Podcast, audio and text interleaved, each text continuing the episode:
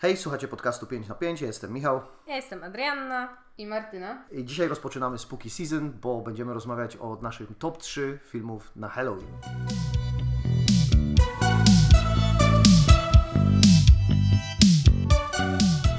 W sumie tak na zakończenie Spooktobera e, nagrywamy tutaj dla Was nasze polecenia filmów na Halloween, ale, ale mieścimy się jeszcze w tym, że zdążycie je na Halloween obejrzeć. Powiedziałbym, w ogóle to jest, to jest ranking, tak, w naszych innych topkach i oczywiście ranking, e, każdy za chwilę porozmawiamy o tym, jak do niego podchodził, ale no mamy wrażenie, że to, to też nie jest pewne usadawianie, usadawianie tych horrorów jakby w wielkiej hierarchii tego, jak te horrory powinno się oglądać, tylko e, na przykład z mojej perspektywy jest tak, że to są moje ulubione horrory, ale jednocześnie chciałem, żeby one przechodziły przez różne, e, przez różne gatunki, żeby e, z każdego powodu można było po prostu do nich podejść. Martyna, a Ty jak dobierałaś swoją trójkę? E, jeśli chodzi o moją trójkę, to takim ważnym elementem było dla mnie to, żeby te filmy w jaki, jakikolwiek sposób mnie spuknęły. E, ze względu na to, że jest bardzo dużo horrorów, które lubię i które cenię, ale które w żaden sposób mnie nie poruszyły e, pod względem jakiegoś odczuwania strachu, więc to było takie moje główne kryterium, że jednak w którymś momencie musiałam tam ze, ze strachu podskoczyć albo pisknąć. Poza tym stwierdziłam, że chcę wybrać horrory różnego rodzaju, e, ze względu na to, żeby się gdzieś tam nie, nie, nie skupić na jednym podgatunku. E, I w związku z tym e, wybrałam sobie no, trzy filmy, jak każdy z nas. Jeden z nich obowiązkowo musiał być taką klasyką horroru, który każdy kinoman, a szczególnie fan horroru powinien obejrzeć. E, Poza tym chciałam również zawrzeć tam jakiegoś takiego popcorniaka, który oprócz tego, że no jest dobrym filmem, to ma dużą wartość rozrywkową i nadawałby się do obejrzenia e, ze znajomymi gdzieś tam przy piwku. E, No i oczywiście nie mogło zabraknąć elevated horroru, czy post-horroru, jak to tam kto woli nazywać, no, który gdzieś tam zrewolucjonizował, chociaż tak naprawdę nie do końca, bo takie horrory powstawały od dłuższego czasu, tylko teraz ktoś postanowił je nazwać w taki, a nie inny sposób. No ale jako, że jest gdzieś tam bardzo dużym trendem e, w ostatnich latach, no to myślę, że ten ranking byłby niepełny bez niego. I zanim przejdziemy jeszcze do tego, w jaki sposób Ada wybrała swoje filmy, to oczywiście chyba warto um, przypowiedzieć, bo to będzie jakby ważne przy, przy, przy tym, jak powstawała ta topka.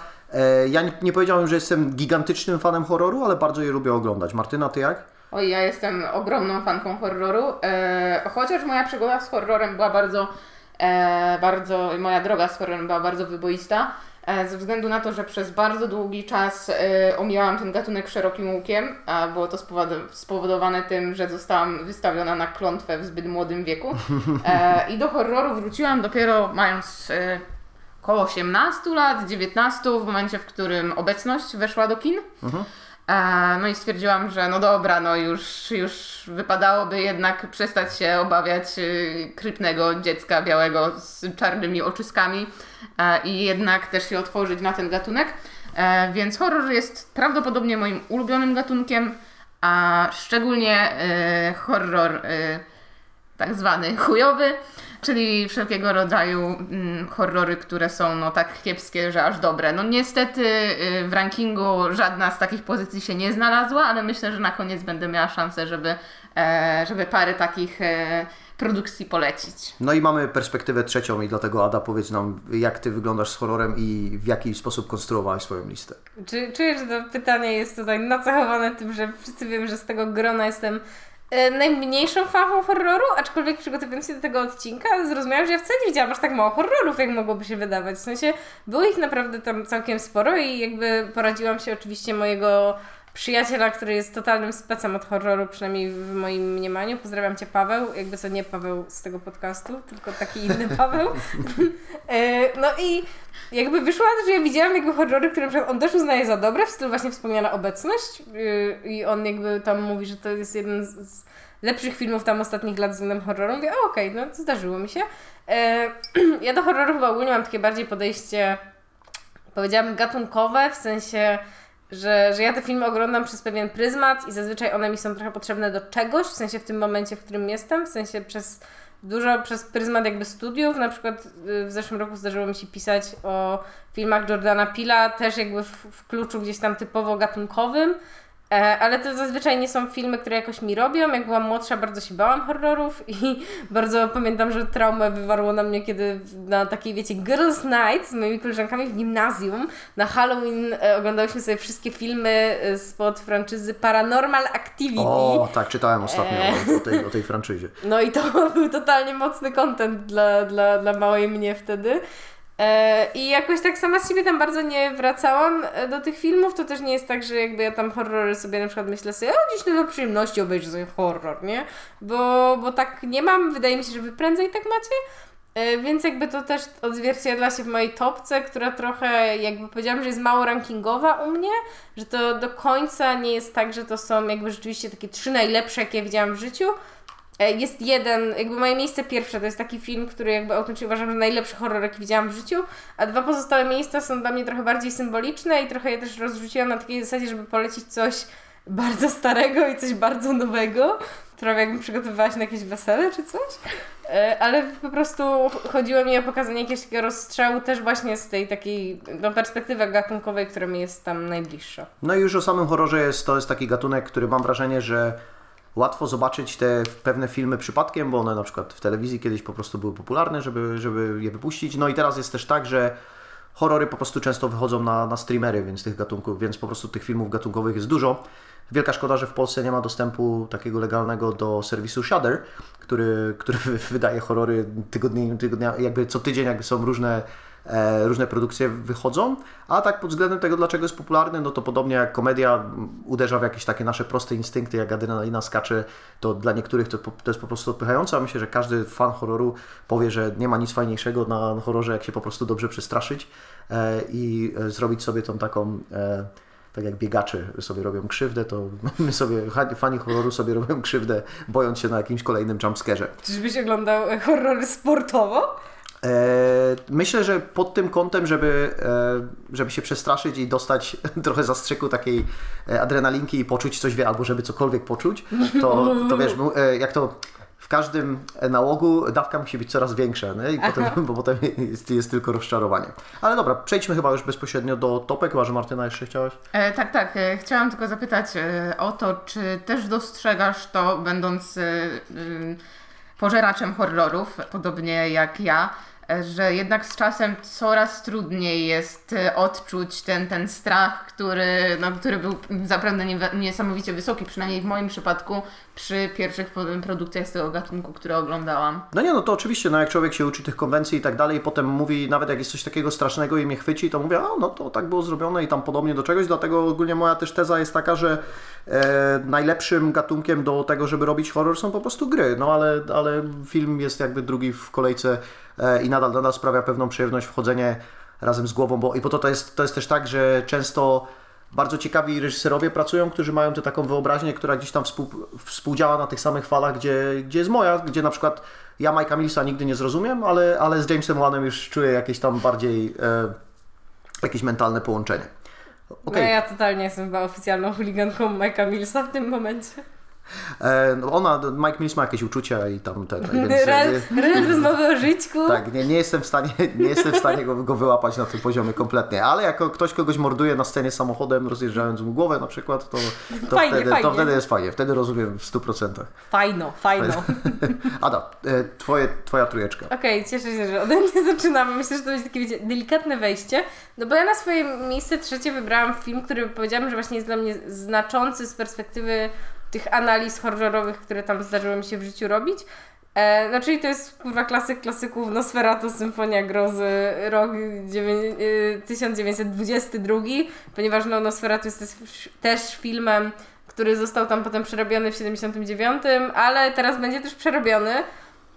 I Przez- shit, kill me, przez kogo, ale on Przez jest robiony. Eggersa. Przez Roberta Eggersa, dziękuję. E, więc jakby no to jest motyw, który wraca, bardzo myślę klasyczna no, opowieść w pewnym sensie o wampirze, o potworze. No i ja bardzo cenię sobie ten film z perspektywy tego, co wtedy też moż, można było kinematografią osiągnąć, z perspektywy tego, jakie on miejsce zajmuje też po prostu sobie w tym niemieckim ekspresjonizmie, który no jakby we wszystkich sztukach świetnie potrafił gdzieś grać tym cieniem, tą przestrzenią. I, przede wszystkim podoba mi się to zdeformowanie w pewnym sensie obrazu, które oni tam osiągają. Jakby naprawdę też yy, wiadomo, że to jest tak to czytanie w stylu na swoje czasy, no ale na przykład mi to estetycznie nadal się bardzo podoba. W sensie to, jak cienie wyrysowane na scenografii potrafią yy, sprawiać wrażenie jakiegoś zaburzenia. No i właśnie to, że Nosferatu wydaje mi się takim najbardziej klasycznym horrorem względem tego, że te, te filmy z poznaku ekspresjonizmu niemieckiego też w jakiś sposób miały wyrażać takie lęki e, ludzkie i społeczne. I to jest dla mnie taka definicja prostego takiego lęku przed nieznanym, w sensie, że to jest coś takiego obcego, coś po czym nie wiesz czego się spodziewać i, i, i po prostu ma jakieś takie znamiona straszności i tego, że może zrobić Ci krzywdę. I to wydaje mi się, że się odwołuje do takich bardzo tam pierwotnych ludzkich E, lęków, a na przykład cały ten motyw właśnie jakby po prostu pokazywania tego, czego ludzie się boją, no fajnie wydaje mi się, że na przykład właśnie działa w tych obecnych post-horrorach, jak już nie lubimy tego terminu, ale, ale że to, no to jest takie wykorzystanie bardzo klasycznej rzeczy potem też w przyszłości i dlatego myślę, że jeśli ktoś nie widział, to ja po polecam sobie to zrobić. Już jakby zaczynaliśmy z Michałem przed nagraniem taką rozmowę pod tytułem, że te stare filmy ogląda się tragicznie. Ja na przykład mam tak, że po prostu oglądam je jakby no, z automatu z trochę innym nastawieniem i nie idę tam po taki sam experience kinowy, jak idąc sobie na jakiś film fabularny dzisiaj do kina, nie? Bo wiem, że to już zupełnie inaczej się tworzy taki film, zupełnie inna jest ta narracja. Ta narracja taka z lat 20. też potrafi do mnie jakoś przemawiać. No i generalizując tutaj, no to czym mówisz, no to to jest to, czym się karmi horror, czyli właśnie to najbardziej jakby prymitywne, no bo każdy horror w zasadzie, tak jak science fiction jest o tym, o czym niby o przyszłości, ale tak naprawdę o tym, czym są ludzie teraz, no to horror jest e, analizą tego, czego, czego się boimy i czasami to jesteśmy my sami, jak to w każdym Twilight Zone się okazało, że potworem po prostu jest człowiek. E, Martyna, twój numer 3. E, na moim miejscu trzecim też jest klasyka horroru, e, ale nie jest aż tak zamierzchłych czasów e, jak wybór Ady. I mówiąc szczerze, miałam dość duży problem z wyborem tego filmu na miejsce trzecie. Ze względu na to, że klasyka horroru to jest taki bardzo szeroki termin i zarówno to może być jakiś Nosferatu, zarówno to może być psychoza, jeśli ktoś uznaje psychozę za horror, bo wiem, że to jest troszkę kontrowersyjna, e, i sporna sprawa. E, mógłby to być też, nie wiem, chociażby koszmar z ulicy Wiązów, e, więc no bardzo dużo takich mocarnych produkcji się biło o to miejsce, e, niezwykle istotne. I ostatecznie zdecydowałam się ze względu na faktycznie ten, ten element strachu, który, który we mnie dana produkcja wywołała. E, I tak jak cenię każdy film, który wymieniłam wcześniej, E, no to gdzieś tam brakowało mi tego, żeby, żeby one wywołały tą gęsią skórkę e, na, i, i mnie po prostu realnie przestraszyły. I w związku z tym zdecydowałam się na Egzorcystę. No, Egzorcysta to jest taki film, o którym bardzo dużo się powiedziało i bardzo dużo nadal powiedzieć można. Mm, ja przez niezwykle długi czas unikałam tego seansu, e, ze względu na to, że oczywiście y, będąc pożeraczem popkultury, byłam e, świadoma i doświadczyłam paru, paru scen z tego filmu i one absolutnie mnie przeraziły, ze względu na to, że byłam na tym etapie, kiedy byłam e, horrorową dziewicą i unikałam wszelkich straszaków jak ognia. No i bez wątpienia one gdzieś tam zapadły w moją pamięć i też sprawiały mi bardzo, bardzo duży dyskomfort. E, no chociażby jedną z takich scen, która nadal mnie rusza i która nadal jest, mnie straszy, no jest ten słynny e, to słynne zejście pająka po schodach. To jest coś, co sprawia mi jakby fizyczny dyskomfort, e, co bardzo cenię w horrorach. Ze względu na to, jak, jak wcześniej wspominałam, że, że, że im, im, faktycznie im więcej tych horrorów się pochłania, tym trudniej jest uzyskać taką reakcję. A ja widząc już bardzo wiele horrorów i w końcu decydując się na, na egzorcystę, no, wywołał on we mnie takie odczucia i bardzo, bardzo za to cenię ten film. E, no i tutaj niewątpliwie też ciekawa jest historia z planu e, i cała, cała otoczka związana z tym filmem i z tym, co tam Friedkin no, odwalał na, na planie. E, no jest to taka, jest to niewątpliwie kultowa produkcja, która się na stałe zapisała w takiej wyobraźni ogółu nie tylko kinomanów, ale też wszystkich osób, które w jakikolwiek e, sposób obcują z, kulturą. E, I gdybym miała faktycznie decydować się na taki film, który uniwersalnie może, może przestraszyć, e, no to, to, to, byłby to byłby to zdecydowanie egzorcysta. No i ciekawe, że to powiedziałaś, bo no, Egzorcysta to był gigantyczny hicior, więc wszyscy go po prostu od razu momentalnie jakby oglądali. Egzorcysta jest pod tym względem też fajnie nakręcony, że on trochę idzie jak film akcji, a przez pierwszą część filmu to jest też taka pewna inwestygacja tego, hej, co jest nie tak z, z moją córką.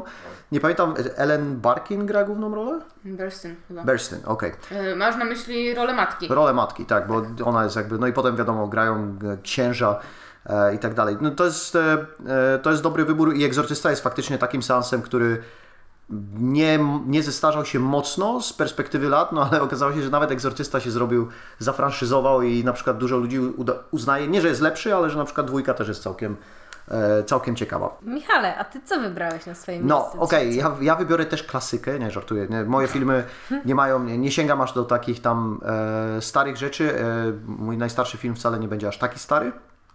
Ale na miejscu numer 3 jest ten gatunek, który przez pewien moment był dosłownie cały czas miałem wrażenie, że po prostu co 3-4 miesiące wychodzi film, tak zwany found footage, który no, rozpoczął się, no, oczywiście wszyscy historię Blair Witch już teraz znają, Wy, wyszły filmy, z, z, ten film kosztował tam 200 tysięcy dolarów, oczywiście liczba jest zmyślona. E, wszedł do kin, internet nie działał jeszcze wtedy tak sprawnie, ale już zaczął wykorzystywać marketing do tego, żeby wszyscy na niego poszli i wierzyli, że ta historia jest prawdziwa, bo wyglądała faktycznie jakby ten. Z tym, że Blair Witch jako film jest strasznie nudny, więc e, ja, mi się nie podoba, ale uważam, że jest kilku przedstawicieli tego gatunku, którzy te wszystkie elementy wykorzystali w bardzo dobry sposób do tego, żeby po prostu nakręcić film, który jest straszny. I moim ulubieńcem jest Rek z, 2000, z 2007 roku. I co ciekawe, jest to film hiszpański, e, bo chciałem, żeby była jakby tam zagranica gdzieś też reprezentowana. Akurat Hiszpania w robienie horrorów jest e, całkiem niezła, bo chociażby jakieś tam Netflixowe produkcje wychodzą. No i okej, okay, Rek to jest e, właśnie takie skumulowanie tych wszystkich umiejętności, które gdzieś tam poznano przy found footage do do, do tego 2007 roku, bo setting jest świetny, bo to jest taka kamienica w Barcelonie, rzeczywista swoją drogą. Mamy reporterkę i mamy kamerzystę, który rzeczywiście jakby faktycznie umiał po prostu kręcić to, co kręci, więc można sobie pozwolić też na, na kilka ciekawszych ujęć. No i wykorzystuje to, to, wszystko do tego, żeby być bardzo, bardzo straszny, bo prawie każda scena przynajmniej trzyma w napięciu. Aktorstwo jest zaskakująco dobre, no jak na tych zwykłych ludzi, którzy po prostu grają, grają mieszkańców tej kamienicy. No i oczywiście, jak to wiadomo, prawo horroru musiało wydać sequele, które są kompletnie niepotrzebne, bo na przykład Trójeczka już robi coś takiego, no no, gramy found footage, jesteśmy na weselu, ale za chwilę zmieniamy kompletnie gatunek na, na slasher i odchodzimy od tego, że jest, że jest found footage.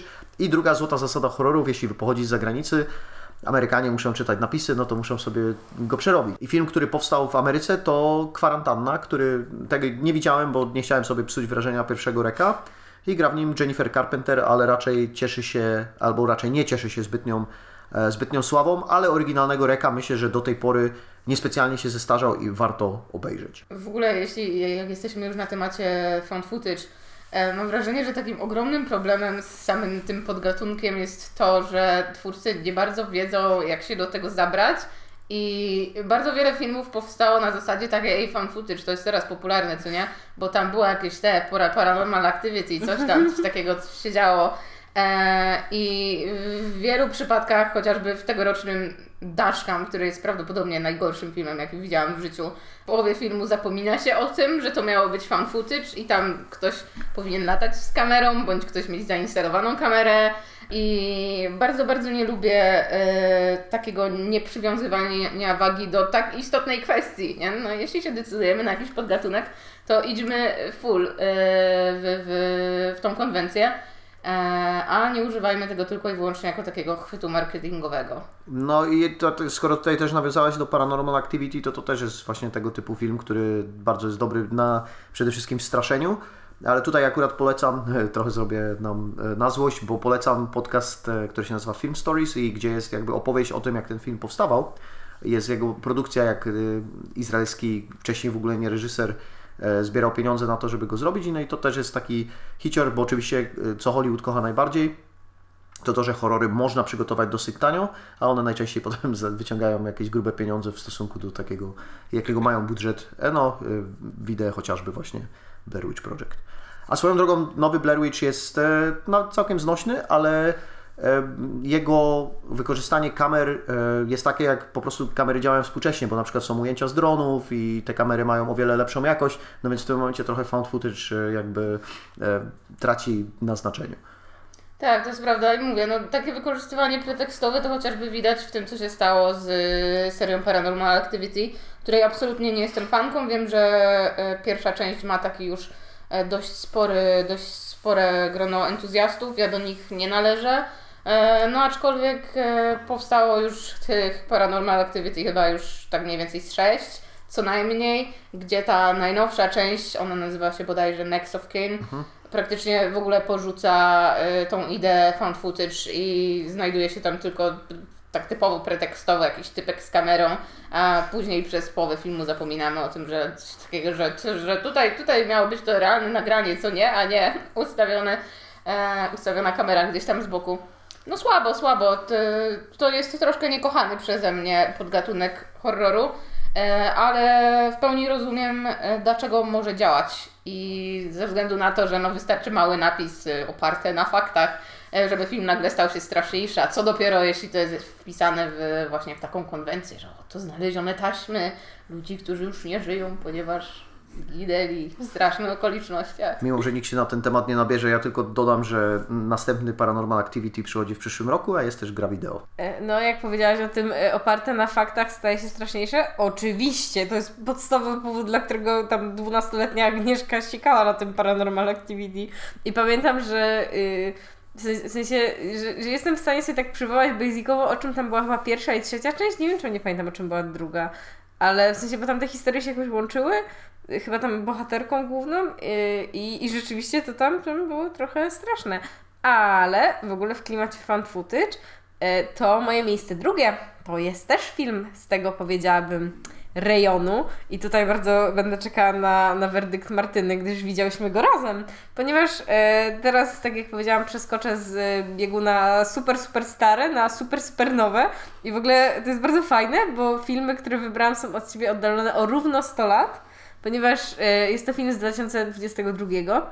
Film, którego na ten moment chyba jeszcze nie zobaczycie w kinach. E, Kiedyś tam będzie miał swoją kinową premierę, będzie dystrybuował go Velvet Spoon, a jest to film, który my z Martyną widziałyśmy na festiwalu Octopus. I film oryginalnie nazywa się Deadstream. Będzie miał brzydki tytuł polski, o którym Wam nie powiem, więc szukajcie go jako Deadstream. To w ogóle o- Octopus jest dla mnie ciekawym przypadkiem, ponieważ no, to jest festiwal takiego bardzo kina gatunkowego, gdzieś takiego powiedziałabym, przynajmniej z moich obecnych doświadczeń pomiędzy właśnie takimi trochę horrorowymi, komediowymi, też może klimatami. Na pewno jakieś tak silne osadzenie gatunkowe tam jest, jest widoczne i bardzo mi się podoba jakby spójność programowa tego festiwalu i to, co się tam wydarza też kontekście właśnie jakiegoś wstawiania gdzieś tam klasyki, też ogólnie klimatu i miejsca, więc jakby jeśli będziecie kiedyś mieli okazję się przyjechać na Octopusa, e, to Wam polecam, nawet jeśli nie jesteście fanami tak wyjściowo takiego mocnego kina gatunkowego, bo ja w tym roku tak właśnie pojechałam i tak na przykład obejrzałam właśnie Deadstream, który jest e, horrorem typu fan footage o tyle, iż opowiada o e, youtuberze imieniem Sean, który tam nadwyrężył sobie swoją personę w internecie, w sensie powiedział chyba coś, wiecie, niepoprawnego politycznie, e, więc trochę został skancelowany. E, No i tam chce jakoś przywrócić sobie trochę popularności, tam wiecie też, e, to też jest aspekt, który mi się bardzo podoba, wchodzi taki wątek, że no jakby tam jego deal z firmą, jakby pod którą jest podpisany tworząc swojego YouTube'a, został ucięty właśnie przez to, co powiedział, on tam jakoś musi sobie z tym radzić. Ja więc postanawia jakby przywrócić swoją świetność, robiąc e, live streama z nocy w opuszczonym domu horrorowym i też, e, znaczy horrorowym, po prostu w strasznym, opuszczonym domu. E, I rzecz też jest w tym, że on tam robi kurwa głupie rzeczy w stylu, och, żebym nie mógł się tu wy- stąd wydostać, to. E, co jakby bardzo tam jakoś nakręca tych ludzi, którzy go oglądają, też no jakby widzimy na przykład komentarze ludzi w trakcie jego live'a i to, co się dzieje. Myślę, że to jest takie ciekawe tam współcześnie wykorzystanie tego. E, To jest film, z którym ja na przykład nie mam jakichś takich, wiecie, uczuć, och, ależ to było wybitne. Mam właśnie takie, ej, I had such a great time na tym filmie, w sensie e, naprawdę gdzieś tam mnie to wciągało, interesowało mnie to, jakby co się dalej z nim wydarzy. Zastanawiam mnie, na ile to też działałoby, gdybym trafiła na takiego streama po prostu w swoim telefonie. Raczej powiedziałabym, że to nie, nie wyglądało jak treści, które followuję, ale że może, może też bym się tak wkręciła. I uważam, że po, powstał z tego naprawdę dobry film. Na pewno powiedziałabym, że rzeczywiście e, taki film, który warto pokazać na festiwalu jak e, Octopus. Jeszcze w temacie tego Octopusa to polecam serdecznie film e, Cięcie. E, oryginalnie to jest tam Coupez, e, nie wiem jaki ma angielski tytuł. E, Ale też uważam, że bardzo tam ciekawe podejście horrorowe. Trochę śmiechawe, trochę straszakowanie, ale takie właśnie powiedziałam wszystko unormikowane, ale chyba względem tego wykorzystania fan footage to tak współcześnie myślę naprawdę tak dosyć inteligentnie. Nie jakoś tam może mm, zmieniająco świat, ale zdecydowanie warto zobaczyć. Martyna, czy to E. jest dobre fan footage? Tak, tak, tak. Ja Chciałam najpierw się odnieść do, do tej ostatniej rzeczy, o której wspominałaś, mianowicie o filmie Cięcie, który z tego co pamiętam zdobył pierwsze miejsce Tak, tak. e, w konkursie na Oktopusie. E, no i chciałabym się tu odnieść do takich kontro, kontrowersji troszkę związanych z tym filmem, bo też e, sam werdykt widzów okazał się nieco kontrowersyjny ze względu na to, że cięcie, o którym Ty mówiłaś, jest remake'iem japońskiego filmu i z tego co słyszałam, bo tego cięcia nie widziałam, jest remake'iem praktycznie jeden do jeden, zasadniczo e, praktycznie odtworzeniem tego, co dzieje się w wersji japońskiej, z małym twistem takim, że no, e, film jest świ- samoświadom tego, że jest remake'iem. Więc e, z mojej strony na pewno poleciłabym oryginał. E, prawdopodobnie kiedyś skuszę się na, na remake, aczkolwiek nie wiem ile będzie on miał wartości dla mnie e, jako osoby, która już widziała, już widziała oryginał i która bardzo dobrze sobie spędziła czas podczas oglądania tego filmu. E, no ale wracając do Deathstream, tak jak Ada wspominała, obejrzałyśmy go razem, był to pokaz konkursowy na festiwalu Octopus. On chyba zajął drugie miejsce w ogóle. Tak, z tego co pamiętam, on zajął, zajął drugie miejsce, w pełni zasłużone. E, swoją drogą, Octopus Super Festival bardzo, bardzo polecam i mam nadzieję, że w przyszłym roku też będę miała okazję się wybrać, bo to są zdecydowanie moje klimaty. E, a też e, przestrzeń e, stoczni no, nadaje takiego, takiej spoko atmosfery do tego, czy to horrorów, czy generalnie kina gatunkowego. E, No ale Deathstream, e, wybierając się na niego, mówiąc szczerze, miałam dość ograniczone możliwości, jeśli chodzi o seanse oktopusowe, ze względu na to, że byłam tam tylko 4 dni, gdzie 3, 3 dni miałam tak naprawdę e, poświęcone na to, żeby móc się na te seanse festiwalowe wybrać. E, W związku z czym byłam bardzo selektywna odnośnie tego, co, co chciałabym zobaczyć. I ten Deathstream jakoś e, nie, nie skupił mojej uwagi. Widziałam ten program, no i stwierdziłam, mm, no, czy, czy to mnie tak interesuje, fan footage, nie lubię zbytnio. Nowe, no nie wiem czego się spodziewać, e, aczkolwiek namówił mnie do tego mój mąż i bardzo się cieszę, e, ponieważ e, był to wspaniały seans. E, nie jest to absolutnie e, żadna wyżyna horroru, bo jest to film bardzo rozrywkowy i e, u, uważam, że jest to taki, taki, taki raczej rodzaj filmu popcornowego, Tak. który na pewno bardzo dobrze by się sprawdził właśnie w gronie znajomych, gdzieś tam przy piwku. E, ale to jakby nie, nie um, umniejsza jego wartości. To myślę, jest- go tak idealnie dopełnia, bo ja też jakby ogólnie miło wspominam całe to wydarzenie pod tytułem właśnie ty, i twój mąż byliście, ja z Pawłem, jeszcze my z Pawłem kupiliśmy sobie na ten seans specjalnie mrożone fanty. Jeśli będziecie gdzieś w kinie, proszę kupcie sobie mrożoną fantę. To jest lepszy slushy, bo jest gazowane, dziękuję. I, I ten film był idealny do tego, bo on nie był taki, że mnie tam nie fantom opluła, bo się tak przestraszyła, o, żebym się udusiła, bo się tak e, przestraszę, albo bym się opluła, bo się aż tak będę śmiała, ale właśnie tak, że się dobrze bawię, to sobie coś skomentuję. A, a przy tym to nie jest tak, że ten film jest zły, że ja to muszę robić. To jest właśnie to, że on mnie tak y, daje mi taki entertainment. Tak, on jest też przede wszystkim bardzo dobrze zrealizowany, bo Tak. e, no nie mogę mu zarzucić tego, o czym mówiłam e, przy, przy, przy generalnej analizie gatunku, jakim jest found footage i faktycznie twórcy bardzo przyłożyli się do tego, żeby wyglądało to jak najbardziej autentycznie. E, My też jakby śledzimy bohatera podczas tego, kiedy on ustawia cały swój sprzęt, my wiemy jak on działa, nie ma tam żadnych niedopowiedzeń, e, wszystkie kamerki, każda z nich jest odpowiednio opisana, więc też będąc widzem e, jesteśmy w cały ten proces zaplątani. I on korzysta z tego, z tego formatu found footage w taki sposób, jaki powinien. Że, że faktycznie mm, jest to found footage na 100%. Eee, no i pomimo tego, że sam bohater nie jest osobą, z którą chciałabym się zadawać, e, to jednak kibicowałam mu gdzieś w tym, e, w tym, w tym, e, w tych jego perypetiach i miałam nadzieję, że no wyjdzie jednak żywo z tej starej, strasznej, skrzypiącej chałupy. A jak się kończy, no zobaczycie. Zobaczycie już niedługo. Miejmy nadzieję, że na streamingach też. Zamiast w kinie. E, Okej, e, Martyna, twój numer dwa.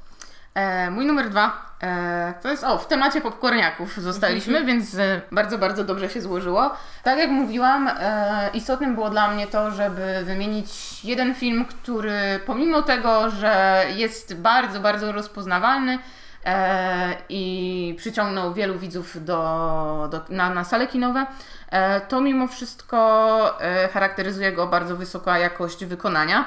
I stwierdziłam, że no niemożliwym byłoby to, żeby wybrać film inny niż film autorstwa Jamesa Wana, który charakteryzuje się, którego, którego mm, e, filmografia charakteryzuje się tym, że to są filmy, które zarabiają na siebie niesamowicie, e, zyskują bardzo dużą rzeszę fanów, a pomimo tego, e, że są tak popularne, no to też trzymają bardzo wysoki poziom.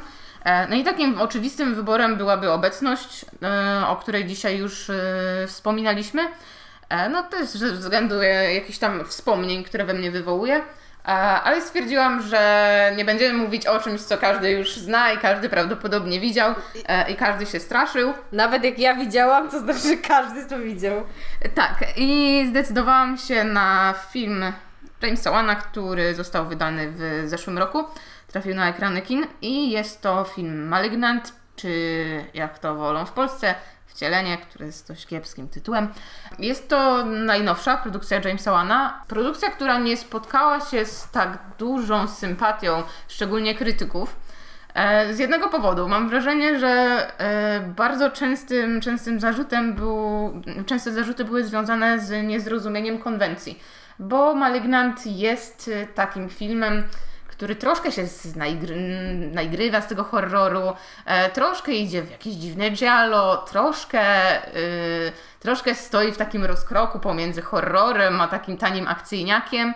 E, I pomimo tego, że brzmi, brzmi to jak bardzo, bardzo mocne zarzuty, e, które sugerowałyby to, że ten film się nie uda, on moim zdaniem udaje się niesamowicie dobrze. E, Jest straszną kiczówą. A, I w momencie, w którym się faktycznie w, tej, w nie wejdzie, to może odrzucać już na samym początku. A, ale mam dziwne, mam takie wrażenie, że już widząc e, karty początkowe, napisy, już wiemy z jakim filmem mamy do czynienia, no i wtedy do nas należy decyzja, czy chcemy opuścić ten seans i nigdy do niego nie wracać, czy po prostu kupić go e, z, całą, z całą e, dobrocią inwentarza. Mam wrażenie, że ten film nie przeszedł e, z tak wielkim echem, być może też ze względu na naprawdę fatalną, fa- fatalne działania marketingowe, które reklamowały go jak trochę kryminał, coś wręcz ocierające się o 7, co jest absurdalnym wyborem ze względu na to, że jest to po prostu taka troszkę jazda bez trzymanki. Trochę głupia, ale w swojej konwencji bardzo wspaniała. I jest to film, który na pewno nadaje się do takiego oglądania przy, przy piwku. E, ale nie jest to konieczne. Ja byłam zupełnie trzeźwiutka i bawiłam się znakomicie, wybuchałam bardzo często śmiechem, ale mimo wszystko ten faktor strachu gdzieś tam nadal był w niektórych scenach, których no, nie będę opisywać ze względu na to, że to już byłoby terytorium e, spoilerów. A, a tam jest całkiem niezły twist. Głupi jak cholera, ale jednak e, dobrze działa. A film nie jest e, aż tak świeży, żebyśmy nie mogli powiedzieć na przykład jak w przypadku jakiegoś e, nie wiem, Soylent Green, że albo, albo uwaga, Gwiezdnych Wojen, że, więc jeszcze ten sekret można zostawić. W ogóle ja o Jamesie Wanie jeszcze pewnie wspomnę przy, przy Honorable Mentions, ale to, że film jest zrealizowany bardzo poprawnie e, pod takim względem, czy też efektownie pod względem mm, warsztatu, no to to jest jakby nic dziwnego. No ja akurat, e, tutaj dziewczyny zatrzymałyście się w takich bardzo nowych czasach, bo z zeszłego roku film i film, który jeszcze nie wyszedł w Polsce, a ja wrócę nie aż tak daleko jak Ada, bo wrócę do lat 90. E, Wiedziałem, że na tej liście będzie musiał pojawić się jakiś Carpenter, John Carpenter. I zastanawiałem się między. Zastanawiałem się, czy tutaj dać e, The Thing, który jest jednym z moich ulubionych filmów w ogóle, ale stwierdziłem, że może warto podreklamować e, trzeci film z jego tak zwanej trylogii ciemności, do którego właśnie należy The Thing, do którego należy Książę Ciemności i do którego należy mój numer dwa, czyli In the Mouth of Madness albo W paszczy szaleństwa. I ciężko powiedziałbym zakwalifikować ten film jako taki super gatunkowy, bo to jest po prostu horror, który korzysta z różnych elementów. No ale w skrócie opiera się na tym, że po pierwsze Carpenter pracuje na, na jakby szczycie swoich mocy. Zatrudnił sama Nila, który jest bardzo ekspresyjnym aktorem i wydaje mi się, że świetnie pasuje do człowieka, który przyjeżdża do miasta odnaleźć pisarza horroru e, z niezbyt subtelnym nawiązaniem do tego, że tym pisarzem jest jakby ekwiwalent Stephena Kinga, który nazywa się Sutter Kane. E, gra go kapitalnie niemiecki aktor Jürgen Prochnow. E, I sam Neil po prostu trafia do miasta, które jedna z takich moich ulubionych rzeczy w horrorze to jest wszystko jest normalne, ale zaraz tutaj kątem oka widzimy, że coś kurde jest nie tak. No i on zaczyna rozkminiać jakby te wszystkie rzeczy, które są nie tak, które kumulują się, kumulują, kumulują i mnóstwo scen takich stricte horrorowych w Paszy Szaleństwa e, powiedziałbym, że sięga wysoko do takich gatunków horroru, do scen, które są po prostu mocno zapam- zapamiętywalne i wchodzą do głowy. No jakby na przykład jak jedzie babka na rowerze, e, która znajduje się w jakimś tam time loopie i, i prze, przejawia się jakby w różnych e, wiekach i, i się okazuje, że on po prostu z tego swojego obłędu sam Nil nie jest w stanie wyjść. E, Jeśli można, no wiadomo, niektóre efekty zestarzały się trochę, ale pod względem pod względem scenariuszowym i klimatu e, lubię sobie reobejrzeć e, In the Mouth of Madness i za każdym razem zasiadam do tego z przyjemnością, bo wiem, że czeka e, taka e, nieprzyjemna atmosfera. Jeśli chodzi o e, w szaleństwa, e, zachęcona rekomendacją Michała, e, ale nie tylko Michała, bo wspominało mi o tym filmie kilka osób. W zeszłym tygodniu nadrobiłam sobie ten seans i muszę przyznać, że pomimo takiej wstępnej niechęci, ze względu na to, że widziałam jakieś tam y, czy zdjęcia, czy, zdjęcia, czy, czy też zwiastun, które no, szykowały mnie na taką sporą kiczówę, y, na którą wtedy nie byłam gotowa, to wyszłam naprawdę bardzo zadowolona z tego seansu. E, wyszłam, no tak. Wyszłaś z pokoju. Wyszłam z pokoju bardzo zadowolona z tego seansu, ze względu na to, że to jest prawdopodobnie, świadomie bądź mniej świadomie, wspaniała ekranizacja Lovecrafta. E, osobami, które poza Michałem po, poleciły mi ten film, by, byli moi kumple, z którymi bardzo często gramy w RPG, e, gramy też w Call of Cthulhu. E, I oni przez bardzo, bardzo długi czas szukali filmu, który dobrze by ten klimat Lovecraftowski oddawał. E, no i niestety takich filmów nie znajdowali. E, no i w momencie, w którym trafili faktycznie na Mouth of Madness, e, powiedzieli, że no to tak, że to jest, to jest ten klimacik i ja się w pełni zgadzam. I szczerze mówiąc, nie sądziłam, że, że faktycznie można tak dobrze tego ducha oddać. E, były próby opowiadania o, o historiach około Lovecraftowskich. Był chociażby taki serial Lovecraft County e, na HBO, który dla mnie był bardzo sporym rozczarowaniem. E, I w Paszy Szaleństwa robi dokładnie to, czego oczekiwałam od Lovecraft County. E, że gra bardzo, bardzo gra tymi niedopowiedzeniami. Gra też tą tajemnicą, no bo jakby istotnym elementem samego Call of Cthulhu jako gry, no jest ta jednak detektywistyczna ścieżka i to układanie puzelków w całość. No i też to granie z Twoim sanity, które jest bardzo, bardzo istotnym elementem e, tego filmu. E, byłam naprawdę bardzo zadowolona i teraz jestem jeszcze bardziej podekscytowana na nasze gierki. No ja bym jeszcze tylko powiedział o Lovecraftie, bo że Lovecrafta zawsze lepiej, y, lepiej wypada, jeśli nie adaptuje się go samego, tylko próbuje się właśnie zrobić klimat, ale robiąc tutaj dołożony jest Stephen King, który opiera i wykorzystuje inny horror niż Lovecraft. E, Ale jeszcze tak do, do tych Lovecraftowych filmów, o których wspomniałaś, to, no to mamy Stewarta Gordona, który się zajmował i kręcił na przykład e, w latach 80. Dagona i Reanimator, czyli te filmy istnieją, ale no zazwyczaj nie są zbyt dobre i, i faktycznie jest tak, że jeśli chodzi o Lovecrafta, no to lepiej to, lepiej to wypada w, e, trochę w grach wideo, no właśnie z tych wszystkich względów, o których jakby do, do których nawiązałaś, nie? Ten klimat, ta, ta, ta, mm, ta dete- detektywistyka, to pewne niedopowiedzenie, to czego nie widać i to co można sprawdzić i to czego nie można sprawdzić. Ada, i w ogóle zmierzamy do naszych e, numerów 1, więc e, zobaczmy co tam się na nich znajduje. Więc Ada, co tam u Ciebie? Okej, film, który bardzo, bardzo, bardzo, bardzo, bardzo, bardzo lubię. E, I to, to jest film, który chyba jest horrorem, chyba, w sensie wy jako tu znawcy horroru go zaklasyfikujecie sobie teraz ładnie, ale to jest y, Midsommar Ariego Astera.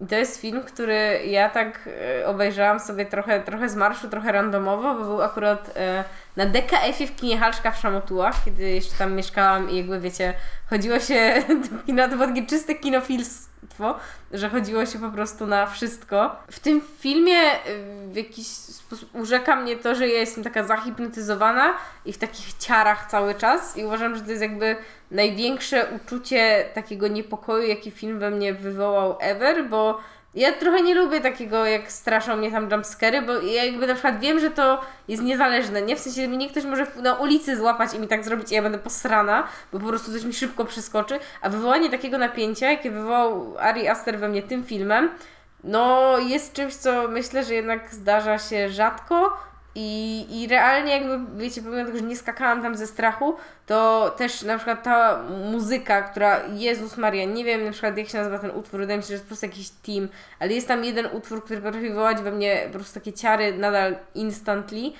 Uważam, że jest to pewien majstersztyk jakiegoś reżyserstwa, chociaż historia tego filmu jest po- pozornie jakaś taka, powiedziałabym, basicowa, nie? W sensie chodzi tam trochę o jakiś rozpad związku i w ogóle on się zaczyna też tak niewinnie, później tam wchodzą te skandynawskie klimaty i nagle okazuje się, że w biały dzień zaczyna się robić krypnie. I uważam, że, że jest naprawdę wspaniały. No i to jest film, który w ogóle przedstawił mi Florence Pugh. I ja przez kilka tam kolejnych filmów, w których ona się pojawiała, byłam jak o Laska z Midsommar. I dopiero tam teraz już, po nie wiem, chyba trzech latach, to już nie jest tylko Laska z Midsommar. E, I uważam, że, że też świetny, świetny występ. No i, i naprawdę to jest film, który z ręką na sercu poleciłabym każdemu. Jak ktoś mi też powie, że nie lubi horrorów, to ja mówię, ale, ale obejrzyj Midsommar, bo, bo to nie jest to, co standardowo wydaje mi się, że może się kojarzyć z horrorem.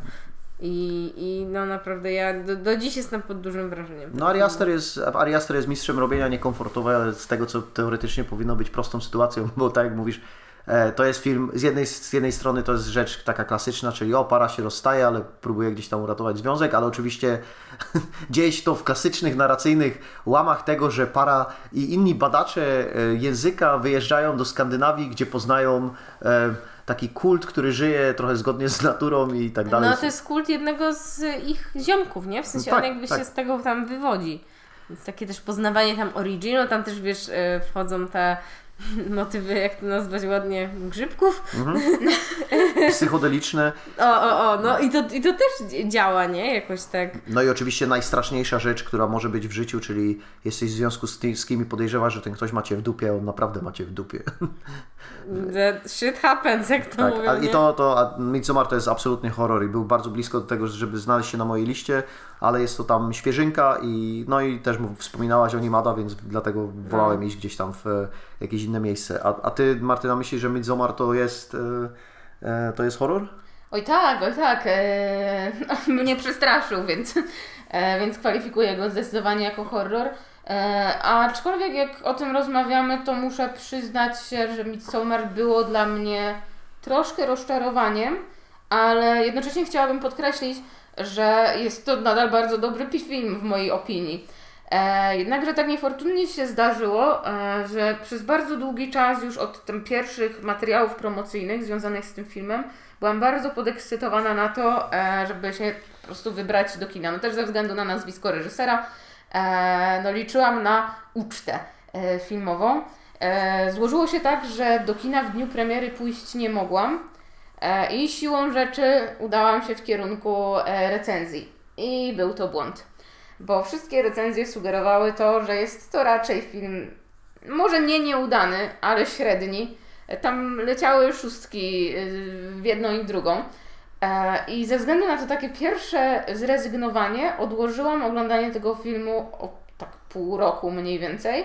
E, I kiedy w końcu zdecydowałam się, nie no dobra, trzeba to Midsommar obejrzeć, była dostępna już e, wersja reżyserska i to właśnie ją obejrzałam. E, Ciężko jest mi powiedzieć, jak ona wypada na tle e, tej standardowej wersji kinowej, e, ze względu na to, że po prostu już do niej się nie cofałam. Ale jeśli faktycznie wersja reżyserska robi lepiej, to bardzo serdecznie polecam.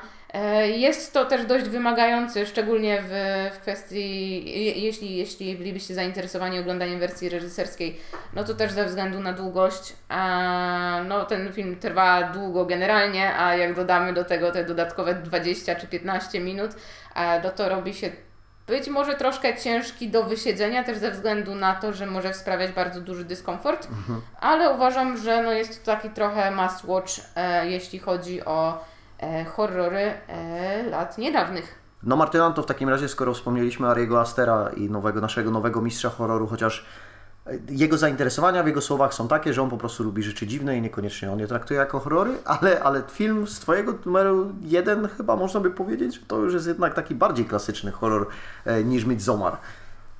Tak, tak, bo na moim miejscu pierwszym e, troszkę e, basicowo, e, no aczkolwiek żaden inny film nie mógł tutaj wylądować, e, bo też niewiele filmów wywołało na mnie tak ogromne wrażenie. No i pierwsze miejsce to jest e, debiut horrorowy, e, pełnometrażowy Ariego Astera, czyli Hereditary, Dziedzictwo.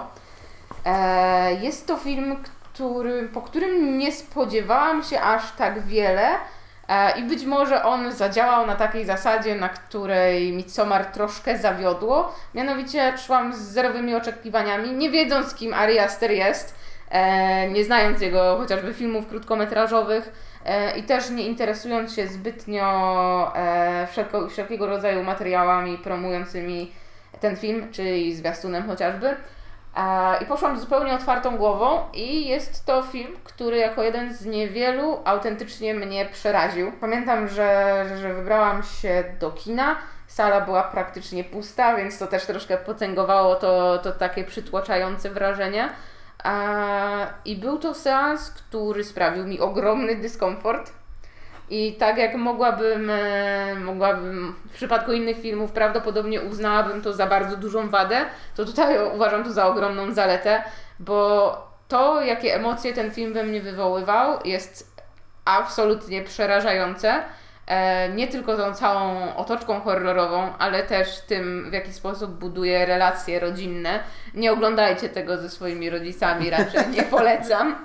Może być troszkę niezręcznie, więc w tym, jakby w samej, w samej fabule on działa niesamowicie dobrze na takich bardzo prostych instynktach, na zasadzie utraty, y, strachu przed utratą kogoś bliskiego, e, czy, czy, czy, czy strachem przed tym, że w tej rodzinie nie do końca się układa, czy strachem przed tym, że może wydaje Ci się, że znasz kogoś z swe- swojej rodziny, może wydaje Ci się, że jesteście blisko, a on gdzieś tam w szafie ma trupy i to bardzo wiele tych trupów. I poza tym, e, poza tym, że jest bardzo, bardzo sprawny e, fabularnie, no to te straszaki działają. Działają na mnie niesamowicie i pomimo tego, że no, no, używa kilku jumpscarów, te jumpscary są bardzo dobrze wyważone e, i nie opierają się tylko i wyłącznie na takiej automatycznej reakcji Twojego ciała, kiedy ktoś głośno krzyczy albo dziwny ryj wyskakuje za rogu.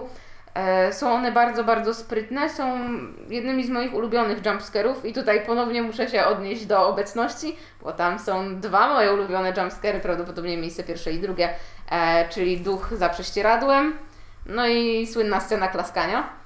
Ale myślę, że Hereditary spokojnie może się tam uplasować, no na takim wygodnym miejscu trzecim, e, jeśli chodzi o skuteczne jumpscary. Są rzeczy, które nie do końca mi w tym filmie leżą. Tutaj zakończenie. E, aczkolwiek pomimo wszystko chyba żaden film nigdy nie zrobił mi tak dużo i tak niedobrze. Co bardzo dobrze, jeśli chodzi o horror. Dokładnie, to ten paradoks zawsze, zawsze wybrzmiewa. Ada, czy Ty widziałaś oryginalnego Astera? Tak, ja widziałam Hereditary w DKF-ie, który w ogóle prowadziła Martyna, to było w maju. Tak. E, tak, i to było moje pierwsze, jedyne dotychczas spotkanie z tym filmem. Raczej nie planuję kolejnego. Ja w ogóle, wydaje mi się, że ten film niestety padł ofiarą tej smutnej przypadłości, jaką jest przehajpowanie, ponieważ zarówno e, Paweł z podcastu, jak i Martyna, jak i Michał, jak i w ogóle wszyscy, którzy widzieli ten film, bardzo go sobie chwalą i to tak, tak mocarnie, a tam właśnie... Ja jakby co nie, ja Hereditary uważam, że jest porządnie zrealizowana, ale Midsommar jest dla mnie o wiele Ale, lepszy. ale myślę, że wiesz, to tak jak ty uważasz, że wszyscy ludzie, którzy widzieli Bojacka Horsemana ci go hypują za bardzo i już nie lubisz nigdy. To ja też. Więc, więc jakby wydaje mi się, że te, ten case po prostu tu był, no jeszcze tam Paweł ma te legendy, nie? W stylu, że tam widział ten film 8 razy czy coś. E, i jakie to jest dobre, a to jest okej. W sensie jakby ja, ja naprawdę enjoyowałam ten film, też uważam, że jest bardzo sprawny. Y, zrobił na mnie na pewno jakieś wrażenie, ale ja już jakby widziałam ten Midsommar wcześniej i ja byłam taka, nie no, nie no, Midsommar wins, nie? W sensie Midsommar ma więcej pomysłów wychodzących y, poza jakieś takie, powiedziałabym, klasyczne motywy w stylu coś jest na strychu i tak dalej. Midsommar dosłownie mnie urzeka tym, że on jest w, te, w ten biały dzień i nie dziwię się, że polski dystrybutor postanowił sobie to podkreślić w tytule. A, a Hereditary rzeczywiście też e, szanowałam za to, że czułam coś więcej w tych takich momentach, które wiedziałam, że basicowo straszą mnie taką, wiecie, reakcją fizyczną, ale jak sobie o nich potem kminiłam, to wiedziałam, że coś, coś jakby za tym jeszcze stoi. Więc naprawdę szanuję ten film, ale nie mam na przykład potrzeby do niego wracać, nie mam potrzeby się nad nim e, rozwodzić bardzo. Aczkolwiek e, myślę, że coś jest w tym, nie? Że Ari Aster tutaj e, króluje na tych naszych e, miejscach pierwszych. E, Jest chyba ten taki short Ariego Astera, który chyba jest na YouTubie dostępny i też jest taką rzeczą, myślę. Ten, e, ty, ty na pewno to widziałaś, ty nie wiem. The Strange Thing About the Tak, Johnson. no ja, ja widziałem wszystkie shorty Ariego Astera. Ja widziałam tylko ten. E, No i on jest na YouTubie, co nie? Czy Tak. mi się wydaje? Tak. A to- jeśli nie, to jest na jakimś Vimeo albo czymś takim, więc w sensie jest łatwo dostępny. W każdym razie gdzieś go znajdziecie, nie wiem w sumie czy legalnie, ale zakładam, że ten YouTube jest legalny? Czy mi się Myślę, że tak. Myślę, że to jest taki publicznie, w sensie Ari Aster chyba nie ścigał go po prostu, żeby... Co nie? Też mi się tak wydaje, że to w takim razie dlatego tam polecamy, jeśli chcecie sobie zrobić wstęp do. do bycia dziwnym Aristerem, a ja życzę sobie, żeby dawano mu grube pieniądze cały czas i, i żeby kontynuował szokujące śmierci w filmach. Hopefully. Okej, no i zostało moje e, top 1, mój numer, mój numer na, na najwyższym stopniu podium. E, I jest to film, który nazywa się Inni z 2001 roku. I tutaj e, trochę e, hiszpańsko, może nie języczność, ale jakieś takie latino e, wpływy, bo reżyserem tego filmu jest Alejandro Amenabar. I to wpisuje się w taką trochę moją tezę, że w sumie cały gatunek horroru byłby lepszy, jakby pracowali nad nim po prostu reżyserowie, którzy mają dobry pomysł na film i są sprawni w swoim warsztacie.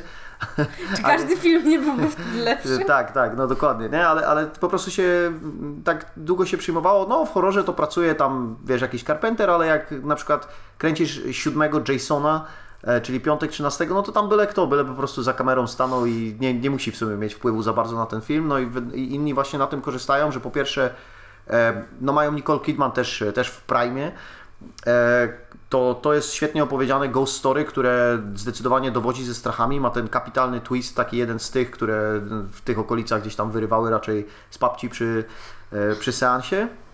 E, No ale do tego jest też zrobiony z takim smakiem. Każda scena, e, każda scena służy do tego, żeby budować tam dodatkowe napięcie. Jest, jest jakby ten dom, w którym te rodziny mieszkają, jest, e, wygląda kapitalnie, poznajemy geografię tego, światło odgrywa dużą rolę. No jest e, wściekle straszny, ale nie jest to jakby jego główny pomysł, bo, bo rzeczywiście jakby dramat jest podstawą tego, żeby... No i trochę jakby przykro chyba, że Amenabar jakby tak bezpośrednio do horroru, a przynajmniej z tego co mi wiadomo, nie, raczej nie, nie wrócił. Jeśli chodzi w ogóle o innych, e, mam wrażenie, że to był taki film, który w pewnym okresie był w tym panteonie horroru, ale z czasem on zamiast napędzać tą swoją kultowość, to troszkę ją zatracił. Mam wrażenie, że coraz rzadziej się o tym filmie mówi, tak jak gdzieś 10 lat temu. On po prostu królował na wszystkich e, listach najlepszych horrorów, czy najstraszniejszych horrorów, a teraz troszkę się o nim zapomina i mówiąc szczerze, ja też zapomniałam o tym, że ten film widziałam, pomimo tego, że przy oglądaniu no, zrobił dość na mnie duże wrażenie, szczególnie pod względem atmosfery i tego takiego klimatu niedopowiedzenia. To, tam też bardzo dużo się działo w cieniach, bardzo dużo się działo w tym takim rozdrganym płomieniu y, świecy. E, i- bardzo się cieszę w sumie, że, że wrzuciłeś go na, na swoją listę, bo on nie zasługuje na to, żeby odejść w zapomnieniu, a mam wrażenie, że tak się troszkę powoli dzieje. Być może ze względu na to, że faktycznie e, w ostatnich latach bardzo dużo było tych horrorów, które zyskały i uznanie krytyków, i, i widzów, e, w związku z czym no, ten tak naturalnie gdzieś tam spadł na dalszy plan. A uważam, że no nie tylko dla twistu, który jest jednym z takich najbardziej kultowych, horrorowych twistów, warto ten film zobaczyć. Przede wszystkim dla tej atmosferki i tego takiego, e, tej takiej gęsiej skórki, która gdzieś tam przebiega po karku. Ja mam wrażenie, że e, mieszka cały czas u Flanagana w głowie, co widać chociażby przy House e, on the Haunted Hill. Więc, więc to rzeczywiście jakby jest, no trochę ciężko ten, ten film pewnie też trochę zniknął, no bo rzeczywiście jest oparty na, oparty na twiście, no a twist jakby też sprzedaje, mimo że, mimo że jest duża wartość w oglądaniu go, nawet jak wiemy jak ten twist wygląda, no i został też sparodiowany przez straszny film, więc, więc to też e, do, dodaje e, jakby dodatkową rzecz. Okej, jeszcze zanim tutaj podsumujemy, to myślę, że fajnie by było zrobić jakieś takie honorable mentions, czyli dodać jakieś filmy, które nie zmieściły się na listę, ale może o których chcielibyście powiedzieć, więc możemy tutaj kółeczku e, po parę propozycji rzucić. Moja ultimatywna propozycja, która, o której słyszeliście też większą wypowiedź w poprzednim odcinku, to Ghost Story, gdyż to jest film o strasznym tytule, który nie jest straszny w, powiedziałabym, klasyczny, horrorowy sposób, ale e, to, to jest też film, który, na którym ja na przykład mam ciary. Pewnie z innych powodów, ale uważam, że jeśli w filmie jest duch, to ja go mogę tutaj dać. I, i jakby obejrzałabym go też w Halloween. Moim e, honorable mention, jeśli chodzi o, o jakby straszakowatość, no to też już wspomniane Paranormal Activity. Mam trochę ochotę po tym odcinku jakby zobaczyć jak to jest, nie? Bo nie widziałam tych filmów od no tych no, prawie 10 lat. Yy, więc myślę, że to mogło być ciekawe doświadczenie. W sensie bardzo się zastanawiam, czy popatrzyłabym teraz na to i zrobiłabym chujowe, czy na przykład nadal sikałabym w majty i nie wyszła z mieszkania potem wieczorem. Najważniejsze chyba do takiej serii podchodzić, nie mieć żadnych oczekiwań i powiedzieć, a ja wiem, że to będzie słabe, więc tylko, więc cieszmy się tym, e, co mamy. Myślę, że to twoje podejście do życia, Michał. Okej, Martyna? Okej, to tak jak wspominałam, bardzo się cieszę, że mamy tę rundkę.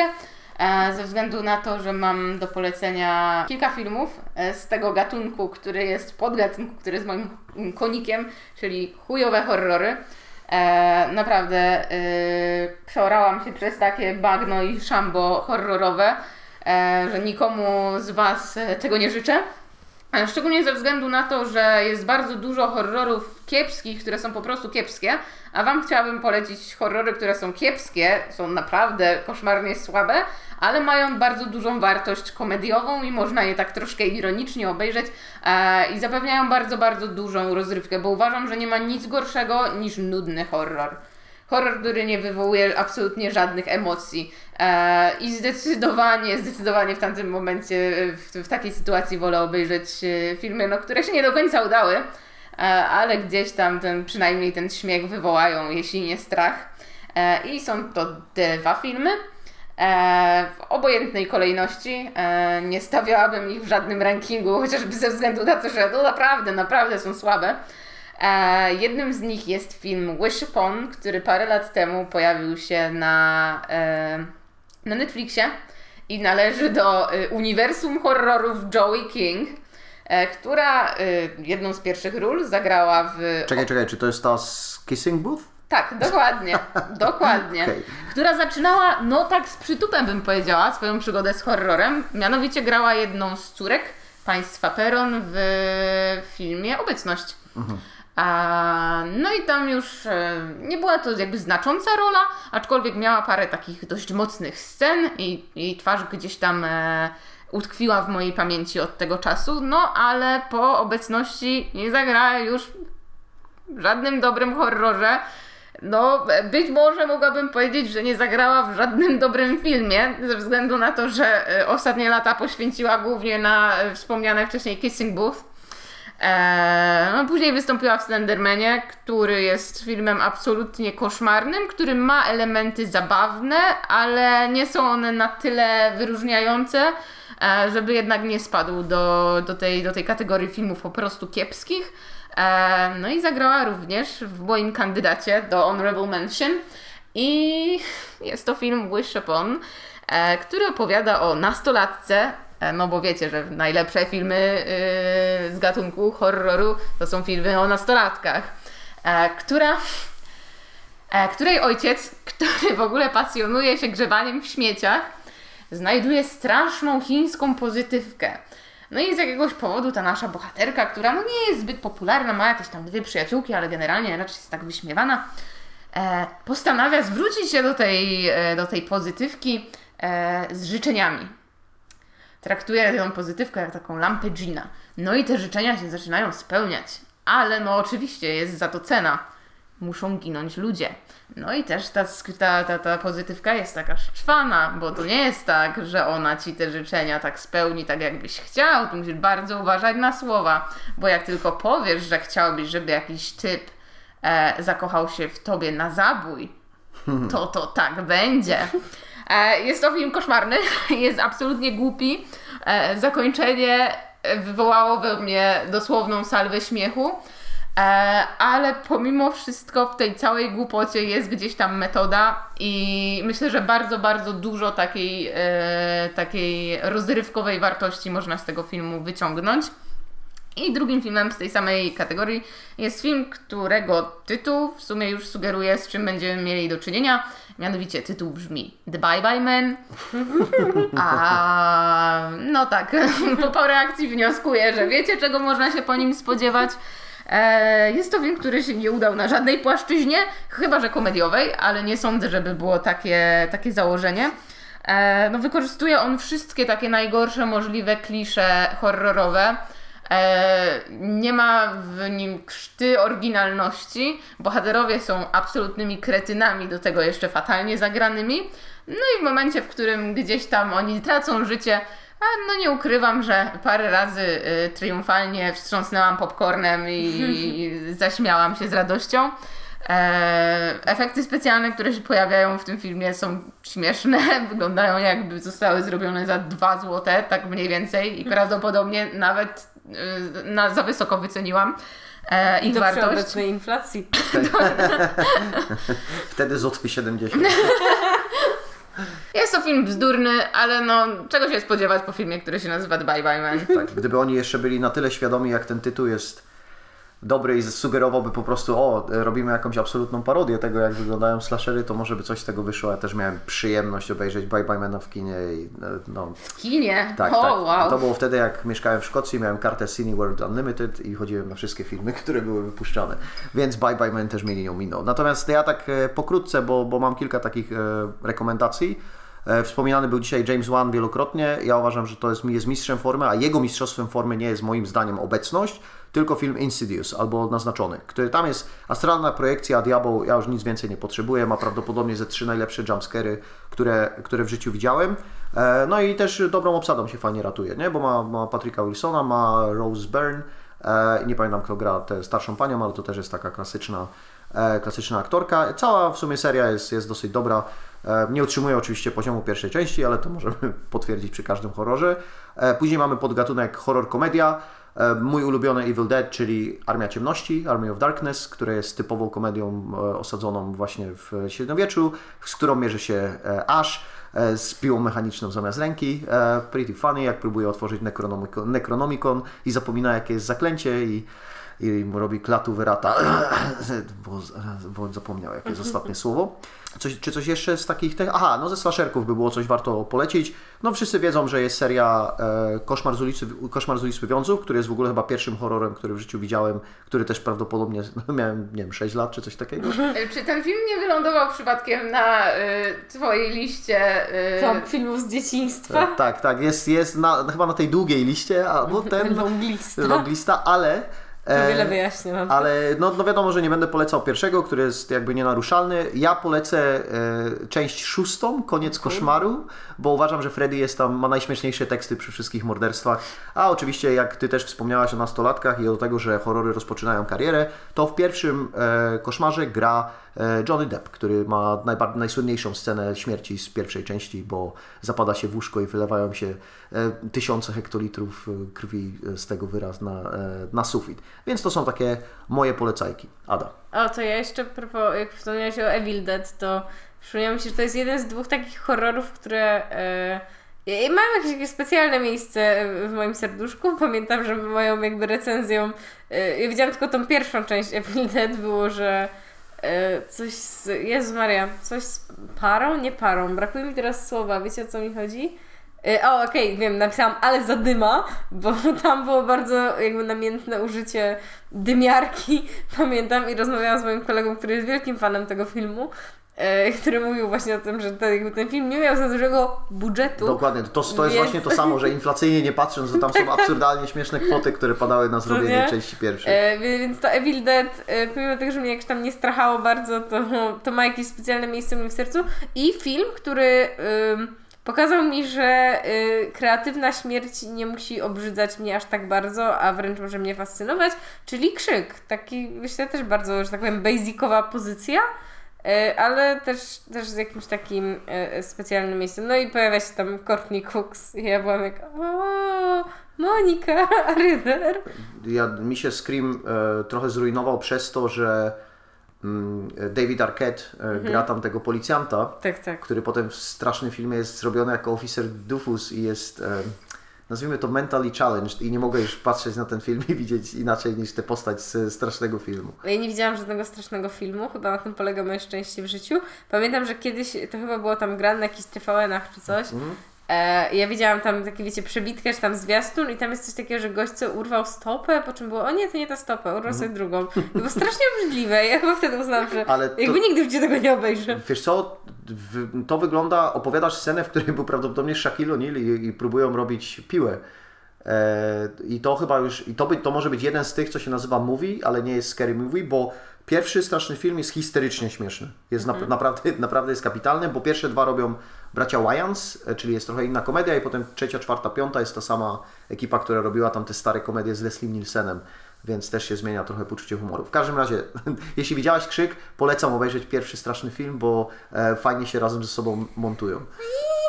Zobaczymy. Jesteś na to gotowa? Powiem Ci, że ja mam bardzo podobny stosunek do strasznego filmu, ze względu na to, że no wiadomo, że one dość często okupowały y, y, ramówkę Polsatu. O, to I- Polsat był pewnie, Tak. dobra. Przepraszam, TVN. Masz inne przewinienia. Top model, co? E, tak, i widziałam kilka scen, które. No ja nie jestem bardzo łaskawa, jeśli chodzi o głupkowatą komedię. Rozumiem, że ma to swoje, swoje grono fascynatów. Ja do nich nie należę, ale no jeśli, jeśli Michał Tobie uwierzę i się nie rozczaruję, to będę bardzo wdzięczna. E, jeszcze wracając tylko do krzyku, była to moja taka bardzo, bardzo duża dziura, e, jeśli chodzi o znajomość e, takich klasycznych horrorów. Nadrobiłam krzyk e, w zeszłym tygodniu również. E, jak widzicie, zmotywowaliście mnie do tego, żeby, e, żeby te moje dziury załatać i bawiłam się nadspodziewanie dobrze. Pomimo tego, że troszkę ten film stracił w moich oczach ze względu na to, że tam jest bardzo dużo takich kultowych scen, które no, każdy prawdopodobnie widział, to i tak byłam bardzo, bardzo zaangażowana w całą historię, też nie znając jakby ostatecznego rozwiązania zagadki, kto tam się kryje za tą maską. E, to działało na mnie bardzo dobrze. E, no i tak e, przy okazji obejrzałam też Krzyk z 2022 z tego roku, który moim zdaniem nie jest już tak udaną produkcją, aczkolwiek na taki luźny wieczorek przy, przy, przy telewizorze i popcornie można jak najbardziej, ale polecam jednak znajomość poprzednich części Krzyku, a no definitywnie tej pierwszej. Ja też polecam e, jako cz- cz- człowiek, e, który lubi czasem stwierdzić, co mogłoby być krótkim metrażem, e, to totalnie jakby otwarcie krzyku to jest wspaniały w ogóle jakby szorcik, nie? Sam z tego, sam z tej sceny telefonicznej, Drew nie? Barrymore, tak? Tak, tak, tak. Uważam, że to, to napięcie, które już tam wchodzi, totalnie przekłada się też na to, że cała reszta filmu jakby też jest bardzo fa- fajnie przyjmowalna i w fajnym napięciu. To tu muszę pochwalić akurat Krzyk z 2022, bo oni w sumie replikują tą scenę z, z Krzyku numer jeden, e, tylko dodając ten twist, no, no bo Krzyk e, współczesny dzieje się w czasach współczesnych, w związku z tym mamy już zupełnie inną technologię i też taką troszkę zabawę konwencją tego, jak to nam się wydaje, że się uzbroimy e, w milion alarmów i automatyczne e, sterowane aplikacją e, zabezpieczenia, a, tutaj może nam wejść hakier i wszystko nam, wszystkie nasze plany pokrzyżować. Też jest e, może troszkę on the nose e, rozmowa pomiędzy Ghostface'em a Jenny Ortegą, e, grającą Tarę, jeśli się nie mylę, e, w której to on zadaje kultowe pytanie, no czy lubi straszne filmy, a ona mówi, że no ja taki elevated horror, taki Babadook, to jest Hereditary, to są Midsommar, to są dobre filmy, a nie jakieś tam głupkowate slashery. No to, to, to dobrze, dobrze całkiem działało i też myślę, żeby się obroniło jako pojedyncza, jako, jak- jako po prostu krótki metraż. Okej, podsumowując tutaj tę rozmowę, to po pierwsze tak, no horror ma się dobrze, bo padły dosyć świeże filmy i ludzie, ci, którzy byli wychowywani na dobrych horrorach z lat 80. i powiedzmy 90., no siadają do pracy bo nie wspomnieliśmy na przykład właśnie chociażby o Jordanie Pilu, Eger, o Egersie było tylko króciutko. Są ludzie, którzy są tym zainteresowani i żeby ten horror trzymał się dobrze. Mamy też miejsca na to, żeby był. Po drugie, nadal warto sprawdzać pewną, pewną klasykę, dlatego że to są po prostu najczęściej dobre filmy, które e, są gotowe na to, żeby wywołać emocje, a dlatego też ludzie często wybierają horror jako ten film, do którego idą e, szybko, no bo wiadomo, coś tam, coś tam powoduje, że będziemy czuli. No i, no i co? No i mamy Spooktober e, się skończy, e, ale myślę, że horrory można oglądać e, spokojnie cały rok i mieć problemy ze spaniem potem. Można, można. Bardzo, bardzo mi się podoba w ogóle ta interpretacja stylu chcę coś w końcu poczuć, nie? Jakby ja jestem jak, o okej, tutaj wszedł deep shit, a w- życzymy Wam, żebyście Wy nie wchodzili w deep shit, ale w deep movies Tak, i deep scary. tak i oczywiście wiadomo, że tematu kompletnie, nawet nie, nie zaczęliśmy jednej tysięcznej tego, żeby, To jest żeby bardzo e, autorska tutaj, autorski sznyt został zastosowany jak we wszystkich topkach e, podcastu 5 na 5. Tak, jeśli nie, o, to, o tym, że nie rozmawialiśmy o jakimś filmie, to nie znaczy, że nienawidzimy. Zrobimy po prostu taki kolejny odcinek, gdzie polecimy też zupełnie inne filmy, a skoro wyprztykaliśmy się z Ariego Astera, to chyba jego najnowszy film musi przyjść trochę szybciej. Tak jest, więc Ari Aster czekamy i lepiej było, żeby było zajebiście. E, Dziękujemy za wysłanie kolejnego odcinka podcastu 5 na 5 i do usłyszenia następnym razem.